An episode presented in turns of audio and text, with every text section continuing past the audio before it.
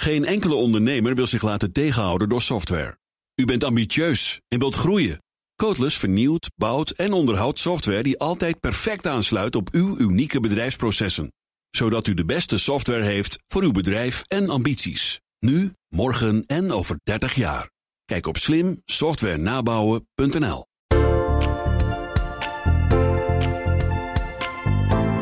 Goeiedag, dit is uh, PensioenPro in gesprek.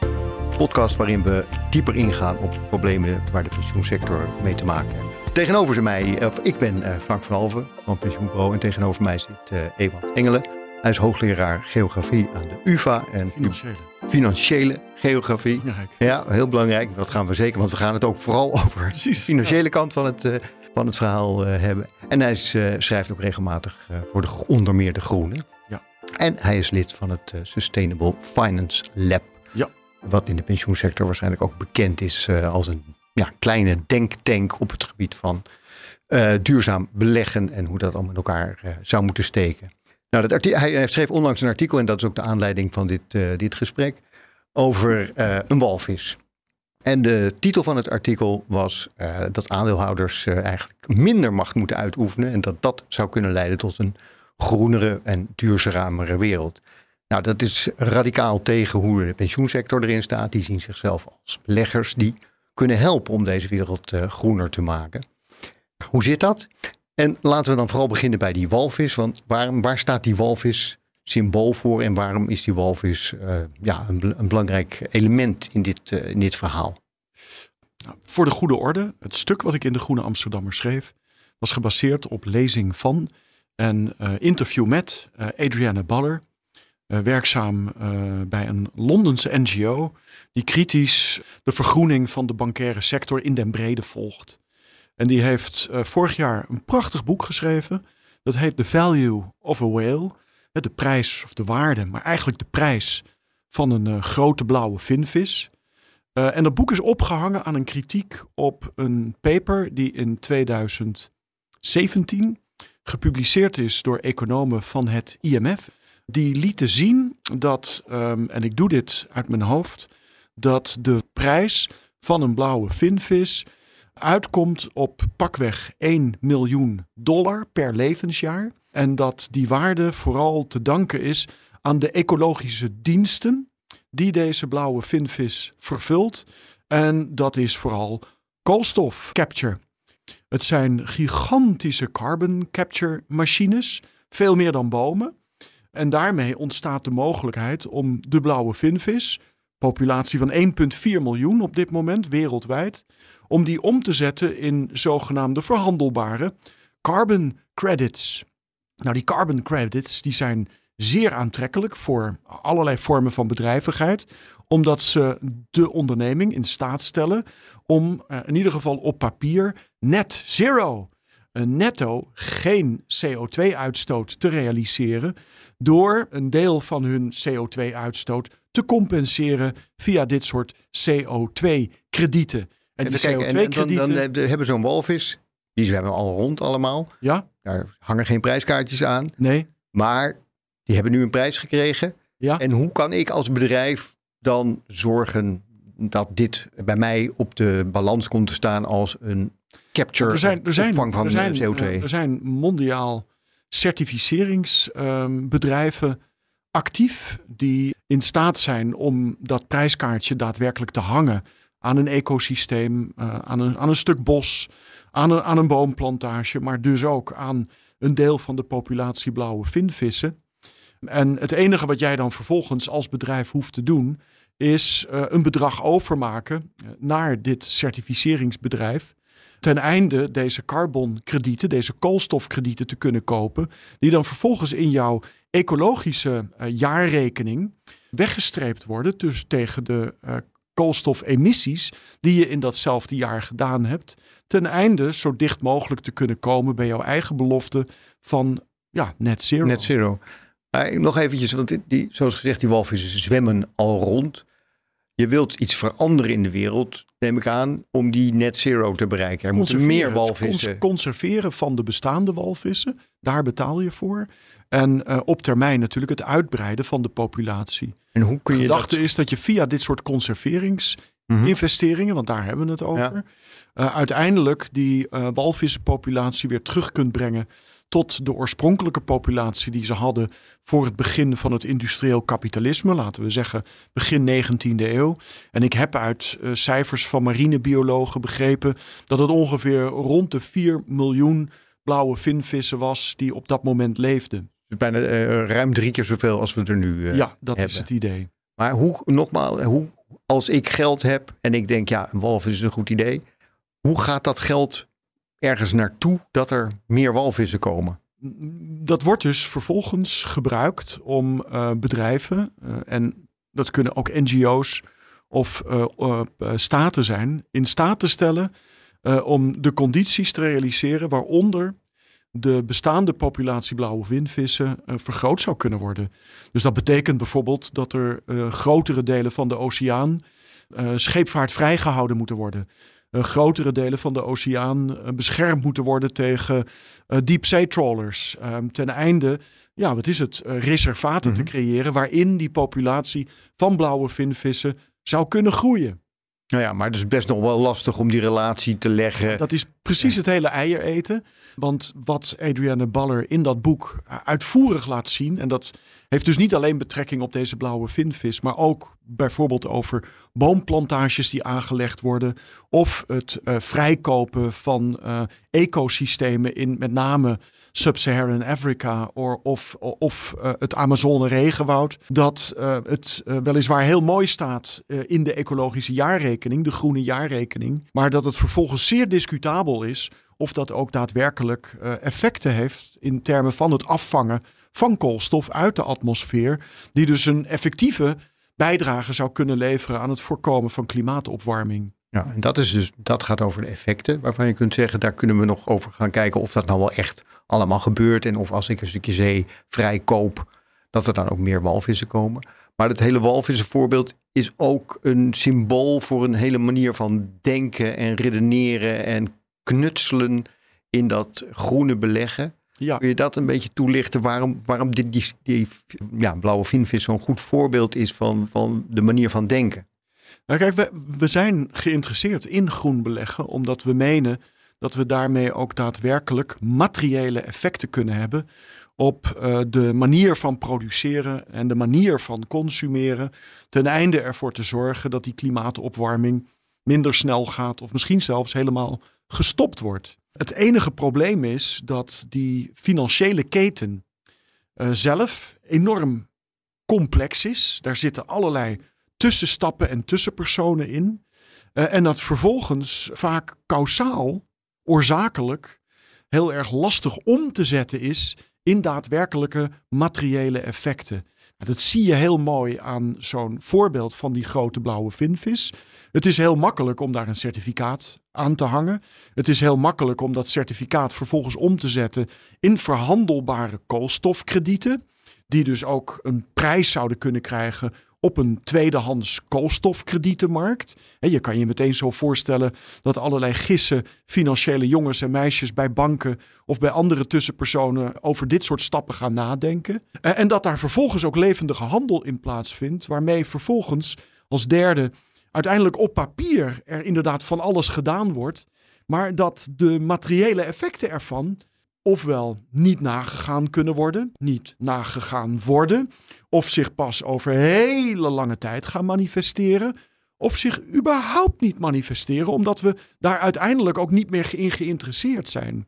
Dat we nog en, en dat zien we dus, ik bedoel, wat mm Muller laat zien in het boek. En ze doet dat aan de hand van dat voorbeeld van die grote blauwe vinvis. Omdat dat op de een of andere manier een soort reductio ad absurdum is van wat we aan het doen zijn.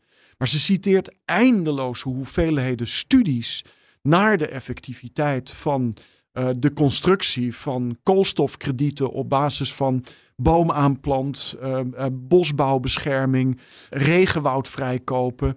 Die dus allemaal eigenlijk maar één boodschap hebben. Als je dat in termen van metastudies bekijkt, het heeft niet of nauwelijks effect op de totale emissies. En dat is toch wel een ontnuchterende constatering. En ze gaat vervolgens in dat boek uitgebreid na hoe dat komt. Dat we hè, aan de financiële kant, aan de finance kant, allerlei prachtige initiatieven aan het initiëren zijn. Dat we daar ook een prachtig narratief omheen hebben geconstrueerd. Maar dat we vervolgens moeten constateren dat als het gaat om het daadwerkelijk ombuigen van die oplopende emissies, biodiversiteitsverlies, bos uh, verdwijnen, et cetera, et cetera, dat daar niets zichtbaar van is. Dus die, want hè, pensioenfondsen zeggen, redeneren heel erg vanuit die CO2 en uit Parijs en inderdaad zero nut. En die zijn het allemaal aan het bijhouden. En die zeggen, nou, we beleggen nu zoveel, maar over zoveel jaar willen we zoveel minder CO2 uitstoten. Is dat dan ja, een zinloze exercitie, omdat het uiteindelijk op, me, op, op, op uh, metaniveau er niets gebeurt? En alleen maar bijvoorbeeld in die portefeuilles van die pensioenfondsen? Nou, wat ik, als, ik, als ik kijk naar wat er uh, op dit moment in de pensioenwereld op het gebied van groen beleggen gebeurt, is dat de aandacht niet zozeer ligt op hoe zorgen we ervoor dat we ook daadwerkelijk nieuwe groene initiatieven kunnen financieren, maar dat de aandacht vooral uitgaat naar hoe kunnen we uit bruin beleggen stappen. Hm. Dat is ook wat je natuurlijk in termen van NGO's, demonstraties, protesten en allerlei initiatieven zeg, ziet. Stap uit big oil, stap uit de fossiele brandstofindustrie. En dat wordt ook met veel applaus wordt dat ontvangen op het moment dat bijvoorbeeld een ABP of APG bekend maakt dat ze vanaf 2023 fossiel uh, fuel free zullen zijn. Uh, dus dat is, dat is eigenlijk het enige wat er gebeurt. Hè. We, we, zijn vooral bezig om te kijken of we de beleggingen, de uitstaande schulden, de obligaties van, ja, wat is het, aanwijsbaar vieze activiteiten, of we, die, of we daar vanaf kunnen. Het verhaal gaat ook heel erg over de rol van die financiële wereld die daarin zit. Die in 2008 kregen mensen zo af en toe dat dachten van nou, dat is toch niet zo'n hele gezellige sector. Daar zitten ook van daar uh, grote nadelen aan. En sindsdien is er een draai gemaakt waarin ze zeggen: ja, we zijn nog steeds de financiële sector, we zijn heel belangrijk, maar we weten nu dat we verder moeten kijken, andere criteria moeten gebruiken en dat we dus niet alleen op rendement moeten letten, maar ook op andere zaken. En als je, wij zijn daar heel goed in, want dat doen we al eeuwen. En nu gaan we dus daarop letten en gaan we dus ook de wereld verbeteren door het geld te sturen naar de betere bedrijven, naar de betere projecten en weg te halen bij wat jij zegt, die bruine ja, dat andere, dat, dat, dat, dat, eerste wat je zei, is toch nog ingewikkeld. En ik heb in het uh, stuk ook uh, verwezen naar de omvang bijvoorbeeld van wat dan uh, officieel gecertificeerd is als groene obligaties, mm -hmm. bedrijfsobligaties. En, en laten zien dat de totale waarde die omgaat in, op die markt van groene obligaties, dat die, en ik weer, doe dit uit mijn hoofd, volgens mij was die 0,5 procent van de waarde van alle uitstaande financiële titels mondiaal. dat, dat, dat, is, dat is een onduchterend cijfer. Ja, is een Kijk, het, is, het is groeiend, het is groot geworden. En er wordt, zeker in de sector, wordt dat met ontzettend veel applaus wordt dat uitgevent om te laten zien dat men dus inderdaad a force for good is. In plaats van de sector die in 2008 de wereld naar de rand van de afgrond uh, dreigde te brengen. Maar nuchter gezien moet je gewoon constateren dat ook na 2008 heel erg veel bij het oude gebleven is. En dat natuurlijk toch nog altijd de nadruk heel erg ligt op het maximaliseren van rendementen per kwartaal. Het hele verhaal dat de financiële sector zich nu gaat opwerpen als redder van de wereld. Uh, en daar ook pretenties bij heeft. Hè. Wij zijn degene die het geld de goede kant op sturen. Is dat, uh, moet je daar heel cynisch over zijn en zeggen, nou ja, dat, dat zeggen ze wel, maar dat, dat is niet zo? Of proberen ze het echt? Hoe, hoe sta je daarin? Want er zijn dus heel veel mensen, en je, je haalt ze ook aan, milieu-economen, en die zijn druk bezig met de beprijzing van CO2. Ja. Er, wordt, nou, er wordt allerlei initiatieven zijn er. Sustainable Finance Lab is ook een club die nadenkt, ja, hoe kunnen we dat op een of andere manier goed doen, dat het ook de gewenste effecten heeft. Ja. En hoe ja, moeten we een soort scheiding maken van die doen het fout en die doen het goed? Of? Nou kijk, eerst even die vraag van uh, hoe sterk is de motivatie van de financiële sector om, de, om dit te doen? Kijk, ik heb net al aangegeven dat de omvang van dat groene beleggen eigenlijk vrij klein is. Ik heb ook aangegeven dat de beweegrichting op dit moment, met name in het, uh, in het, in het, in het vermogensbeheer, is, is uitvies. Eh, en, en, en, nog veel minder nadenken over, hoe, hoe kunnen we in schoon, want schoon is eigenlijk vrij klein. Het is vooral uitvies, dat is, dat is wat men aan het doen is. Dat is één. Het tweede wat mij van het hart moet, is dat de financiële sector heeft zijn marketing eh, na 2008 gewoon goed voor elkaar. Presenteert zichzelf dus inderdaad als de, de redder van de mensheid. En, en voor een deel snap ik dat ook wel. En ik snap ook wel dat mensen bereid zijn, het bredere publiek, de politiek, misschien de toezichthouder, bereid zijn om de financiële sector op zijn blauwe ogen te geloven. Want simpelweg, de poet met geld is zo ongelooflijk groot dat het heel verleidelijk is om dat ook inderdaad te gaan zien als een enorme hefboom waarmee je ja, vergroening eh, en transities kunt gaan financieren en faciliteren. Dus ik snap... De politiek is toch heel duidelijk die zegt, ja, we hebben zeker de, samen, eh, de, de medewerking van de financiële ja, sector dus nodig. Want alleen kunnen we het niet en, en dat geld zit maar het is, het is, maar, maar, maar tegelijkertijd, het is niet het initiatief van de financiële sector geweest. Het is het initiatief geweest van centrale banken en toezichthouders die uh, na 2008 uh, zijn gaan nadenken over financiële stabiliteit. En in eerste instantie financiële stabiliteit zijn gaan definiëren als uh, robuust genoeg om schokken op kapitaalmarkten te kunnen opvangen. Maar allengs werd in de discussie, en daar heeft Sustainable Finance Lab een belangrijke rol in gespeeld, de notie van financiële stabiliteit zijn gaan oprekken. En ook zijn gaan inzien van, nou ja, we weten, verdrag van, uh, verdrag van Parijs, neem me niet kwalijk. is een andere hobby van me, uh, verdrag van Maastricht, maar verdrag van Parijs. We weten dat die CO2-uitstoot eruit moet. We weten ook dat financiële instellingen op hun balans bezittingen hebben die horen bij bedrijven die om die reden waarschijnlijk ja, toch de waarde daarvan moet afgeschreven worden. Assets uh, Ja, de stranded assets verhaal. Daar, daar zijn centrale banken mee begonnen. Nederlandse bank, ere wie ere toekomt, heeft daar een voortrekkersrol in gespeeld. En, en dat heeft uiteindelijk uitgemond ook in het initiatief van de Europese Commissie om zo'n ESG-matrix uh, te laten ontwerpen. Met behulp waarvan je toch het sociale en ecologische profiel van verschillende type activiteiten op de een of andere manier kunt gebruiken om ja, wat is het? Uh, verschillende mm, financiële titels anders uh, te gaan beoordelen op basis van hun risicogevoeligheid. Daar komt het allemaal uit ja. voort. En vervolgens zie je inderdaad dat marketingtechnisch gesproken, ja, de financiële sector dit enorm omarmd heeft. Omdat die ook wel wisten na 2008 van ja, nou ja, ons publieke profiel heeft een enorme deuk gekregen. Laten we kijken hoe we dat kunnen herstellen. En dat is niet zo gecoördineerd gegaan. Mm -hmm. Maar het is natuurlijk gewoon. De, de gelegenheid bood zich aan en men, men heeft daar gebruik van gemaakt. Maar ik, ik maar het ben, was dus in die zin meer de redding van de financiële wereld dan de redding van de wereld. Ja, het is meer de redding van. Dat is een hele mooie formulering. Het is meer de redding van de financiële wereld dan de redding van de wereld. Want, en, en opnieuw, Adrienne Baller laat in dat boek echt. Die heeft uitgebreid al die empirische studies naar de effectiviteit ervan op een rijtje gezet. En ja, het, het heeft niet zoveel om het lijf. Het ziet er mooi uit op papier, maar het heeft ecologisch gezien niet zoveel om het lijf. Blauwe vinvis gaat over het beprijzen van zaken. Ja. En CO2-beprijzing wordt gezien als een heel belangrijk instrument in dit, in dit hele verhaal. Sowieso, hè, beprijzing wordt altijd gezien als we een prijs hebben, hebben we een ja. markt. En dan gaan er slimme jongens en meisjes gaan ja. oplossingen verzinnen. En dan krijgen we een, een groenere wereld uh, langzaam. Dat, dat, en het hele aandelenhandel is natuurlijk gericht op prijzen. Zeker. En als je maar meer hebben, volgens mij al sinds de jaren zeventig, wordt er gezegd als je de externe, externe kosten, als je die beprijst, ja. dan uh, wordt het eerlijker en wordt, ja. wordt het beter. Moeten we dat hele geloof onderuit schoffelen? Of, of zeg je van ja, het wordt gekaapt door de financiële sector, die gaan er uh, mooie complexe producten mee maken, waardoor, het, ja, waardoor wij eigenlijk niet meer zien wat gebeurt. Ja, ik, uh, ik, ik, ik, ik, ik, ik denk dus dat uh, zolang wij in blijven zetten op uh, het inderdaad het binnenhalen, inprijzen van de externe effecten. En vervolgens vertrouwen op de marktprikkels om ervoor te zorgen dat productie en consumptie gaan verduurzamen.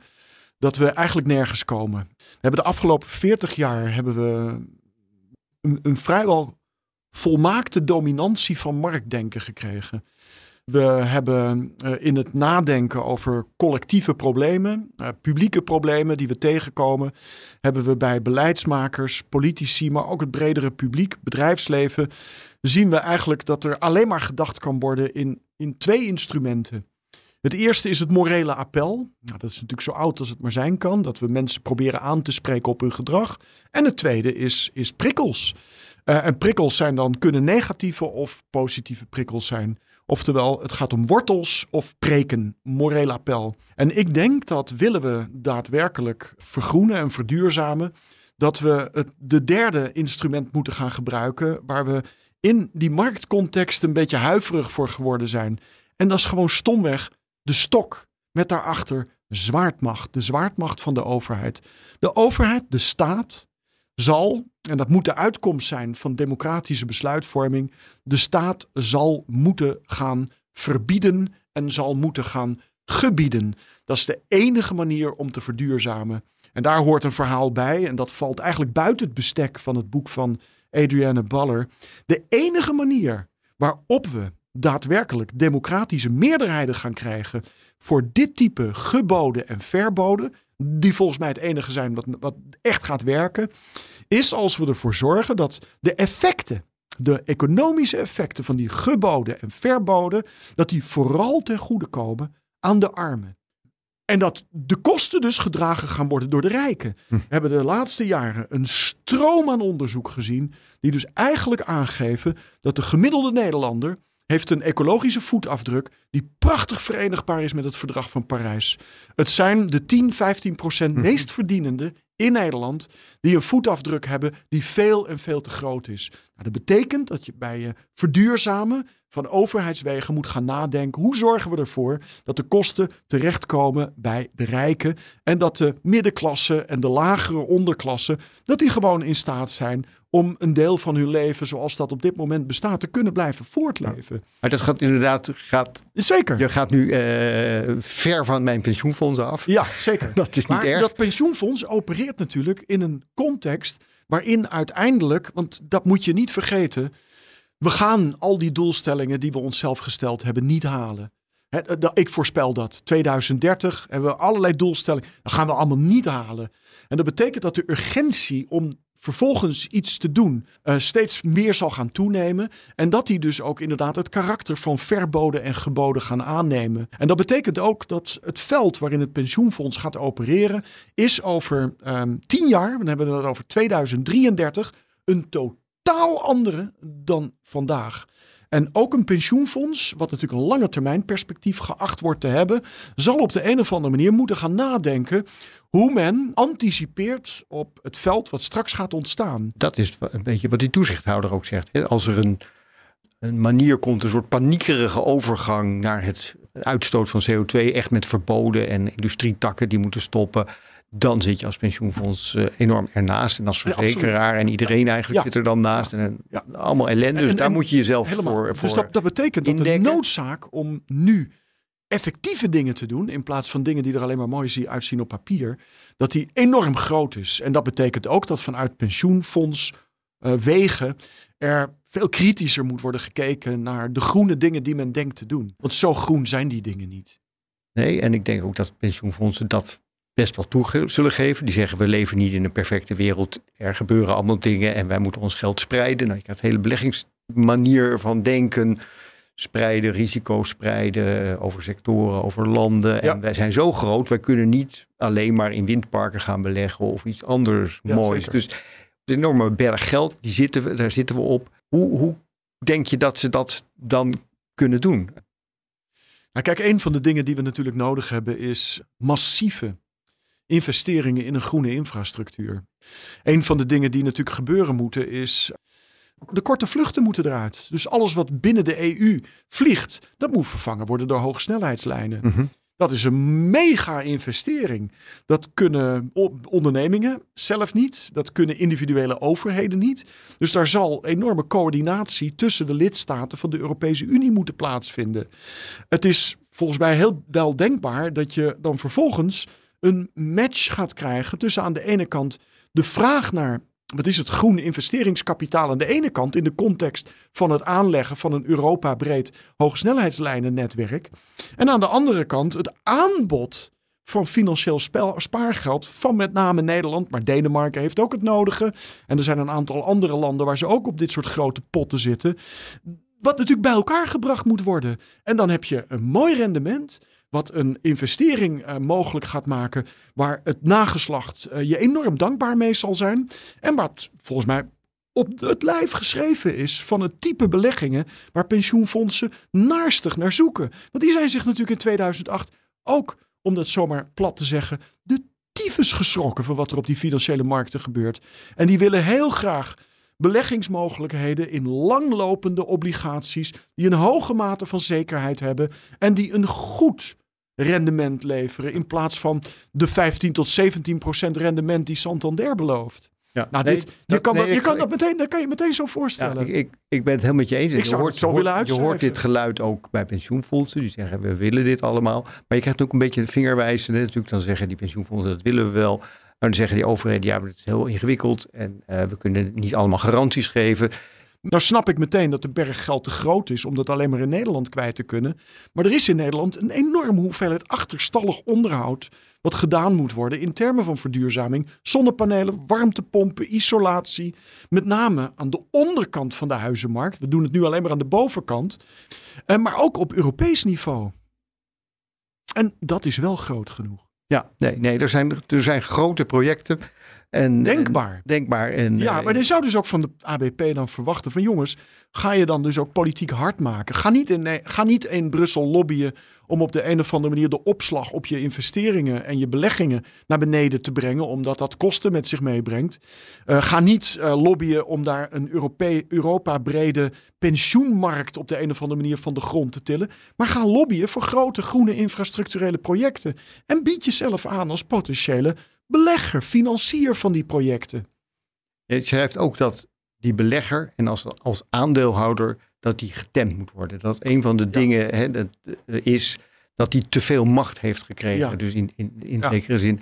Hoe tem je die macht? Nou ja, voor, voor een deel hebben we natuurlijk een, uh, vanaf midden jaren negentig zijn er allemaal, ook in Nederland, van die commissies corporate governance geweest. Die hebben allerlei aanbevelingen gedaan over hoe het ondernemingsbestuur wetboek uh, aangepast zou kunnen worden aan wat in Anglo-Amerikaanse landen de norm is. Nou, wat daar gebruikelijk was of werd vanaf het einde van de jaren zeventig, is uiteindelijk toch de aandeelhouder als enige eigenaar van de onderneming, die uiteindelijk als een soort, ja, de, de ultieme uh, belanghebbende uh, gerepresenteerd werd in dat wetboek. Nou, dat is in Nederland niet, in een, niet op van zonder slag of stoot gegaan. Maar we hebben natuurlijk allerlei we, wet, we zijn die kant op gegaan. We zijn die kant op gegaan. Ja. En ik denk dat we dat terug moeten draaien. Want op het moment dat je die aandeelhouder zo'n belangrijke rol geeft, dan heb je het dus over belangen die. Want dus die aandeelhouder, daar denken wij uh, aan in termen van dat zijn investeerders. Dat zijn geen investeerders, dat zijn speculanten. Die kopen goedkoop en die verkopen duur.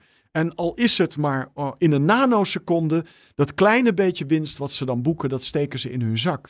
Dus het is van de zotte om deze korte termijn speculanten zo'n belangrijke rol in je ondernemingsbestuur te geven. En omdat ze hele hoge rendementen eisen, zie je dus ook dat het eh, bestuur van zo'n onderneming eigenlijk maar met één ding bezig is. Dat is ten eerste financiële manipulatie en verder alleen maar kostenbesparingen. Als we iets niet nodig hebben in die transitieperiode, dan is het een eenzijdige focus op kostenbesparingen. Dus ik denk dat de sleutel ligt bij het opnieuw kijken naar ja, wat is het? Uh, het aandeelrecht. De governance. Uh, en het corporate governance regime wat daar omheen ja. hoort. Er moet meer, meer balans in. Ja, maar als je nu de onze groene beleggers spreekt, dan hoor je eigenlijk bijna een tegenovergesteld geluid. Die zegt, juist omdat wij op die aandeelhoudersvergaderingen vragen kunnen stellen, omdat we kunnen stemmen, hebben we invloed op het gedrag van die onderneming. En wij kunnen ze de goede kant op sturen. Dat is de redenering die, die, die, je daar hoort. En ja, daar doen we onze best. En eigenlijk zouden we meer macht moeten hebben, want we hebben heel veel goede bedoelingen. En er zijn natuurlijk, degenen die op die vergaderingen spreken, zijn niet die nanoseconde uh, figuren. dat, zijn, dat zijn toch beleggers die een zekere betrokkenheid hebben bij het aandeel. Ja, nou ja, ik, ik, weet, ik weet een beetje van het onderzoek naar wat, wat uiteindelijk de. Uh, dit, dit, heet dan in, in jargon engagement van uh, vermogensbeheerders met de ondernemingen waar ze aandelen van op hun balans hebben zitten. Als je dat bijvoorbeeld bij BlackRock uitzet, dat is allemaal index tracking. Uh, die spreken niet op aandeelhoudersvergaderingen. Dus dat hele verhaal van joh, wij zijn degene die in ieder geval op die aandeelhoudersvergadering alsnog de, raad van bestuur een groen geweten kunnen schoppen. Ik heb daar zo mijn twijfels bij. En, en ik denk dat um, de wereld, het nageslacht, uh, er juist veel baat bij heeft. Dat die aandeelhoudersvergadering minder belangrijk wordt. En dat werknemers, toeleveranciers wellicht ook nadenken over hoe je op de een of andere manier toekomstige generaties binnen de strategische besluitvorming van je raad van bestuur gerepresenteerd kan krijgen. Maar ook de omgeving, letterlijk waar de onderneming gevestigd is, dat die een zwaardere rol in de strategische besluitvorming mhm. moet krijgen. Is dit ook een onderwerp wat jullie gaan bespreken bij de Sustainable Finance Lab? Want dat is toch ook een club die deels nadenkt over hoe we het allemaal doen. En engagement wordt daar bijvoorbeeld gezien als een denk ik, ja, toch wel een belangrijke uh, manier om invloed uit te oefenen. Nou, Sustainable Finance Lab, uh, opgericht na de grote financiële crisis, um, had in eerste instantie uh, als doel om dat sustainable uit de naam van Sustainable Finance Lab in tweeërlei opzicht uh, te duiden. Ten eerste natuurlijk heel duidelijk duurzaamheid, maar, maar ook stabiliteit. In die eerste jaren na de financiële crisis lag de nadruk ook heel erg op die stabiliteit. De buffers moesten omhoog, banken moesten kleiner, zakenbanken en commercial banking moesten gesplitst worden is uiteindelijk ook de commissie Wijfels voor ingesteld door het kabinet om daarover na te denken. Nou, uiteindelijk moet je constateren dat daar niet zo heel veel van terecht gekomen is, van die hele agenda. En, vanaf dat moment zie je dus ook dat ja, bekommernis met stabiliteit, ja, die, is, die is een beetje weggedreven. En het gaat nu inderdaad steeds meer om duurzaamheid. Is het wel zo effectief? Leidt het wel tot meer duurzaamheid? Zouden we niet eigenlijk die oudere stabiliteitsagenda weer uit de kast moeten halen? Uh, waarin toch wordt aangegeven dat veel finance is eigenlijk niet goed. Veel finance blokkeert juist uh, de groene transitie uh, waar we naar niet de redding, maar ja, het toch, is de toch sta in de weg. Ja. ja. In, de, in het licht van aandeelhouders, pensioenfondsen zitten op een grote berg geld. Kijk je naar dat pensioenstelsel, moeten we dan zorgen dat die geld, berg geld minder snel groeit? dat, dat sparen, zodra je gaat sparen, ga je een relatie aan met de financiële sector. En dat, kan, dat, dat kan niet anders. en, Maar goed, als je dat niet wilt, dan klinkt het van, nou ja, moeten we dan minder gaan sparen? Nou ja, er zijn er heel veel mensen, ja, maar dan bouwen we te, min, te weinig pensioen op. Kijk je daarnaar? Ja, laten, we, laten, we, laten we in ieder geval gewoon beginnen met de constatering dat heel veel landen uh, hun oud-werknemers, hun gepensioneerden, een redelijk pensioen kunnen bieden en een redelijke pensioenzekerheid kunnen bieden, zonder dat ze daar zo'n enorme zak met spaargeld voor nodig hebben. Dus er zijn alternatieve manieren om dat te doen.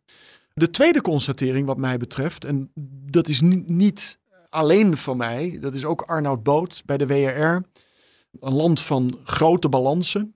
En Dirk Bezemer, uh, allebei lid van het Sustainable Finance Lab uh, overigens, die recentelijk een boek publiceerde, een, een land van kleine buffers die maken eigenlijk allebei dezelfde observatie.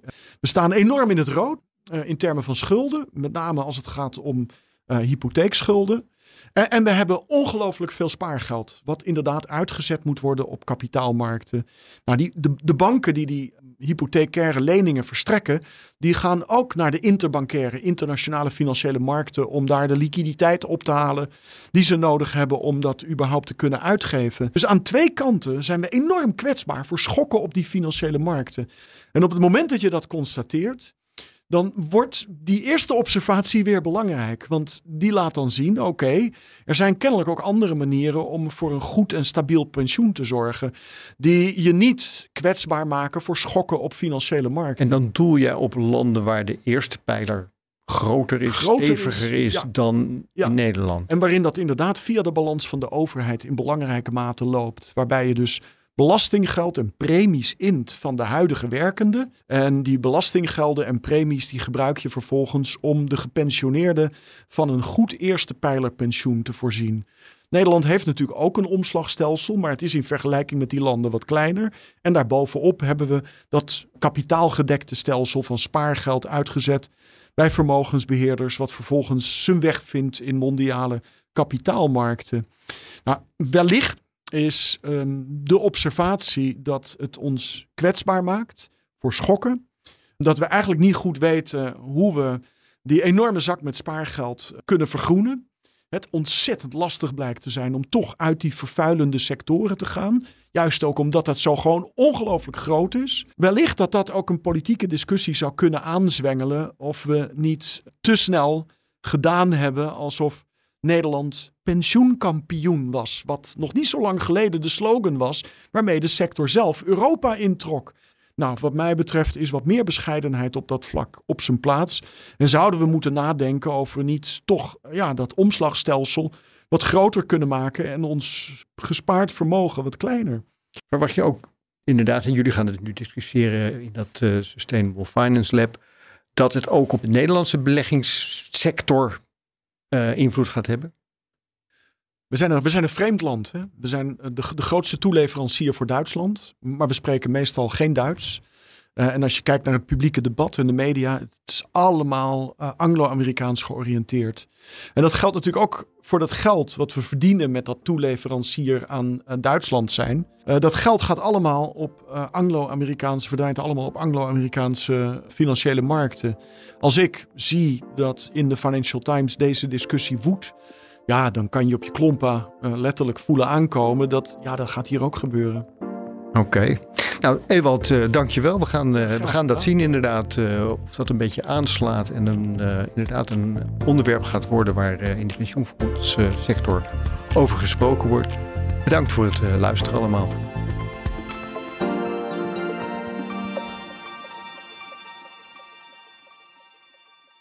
Geen enkele ondernemer wil zich laten tegenhouden door software. U bent ambitieus en wilt groeien. Codeless vernieuwt, bouwt en onderhoudt software die altijd perfect aansluit op uw unieke bedrijfsprocessen. Zodat u de beste software heeft voor uw bedrijf en ambities. Nu, morgen en over 30 jaar. Kijk op slimsoftwarenabouwen.nl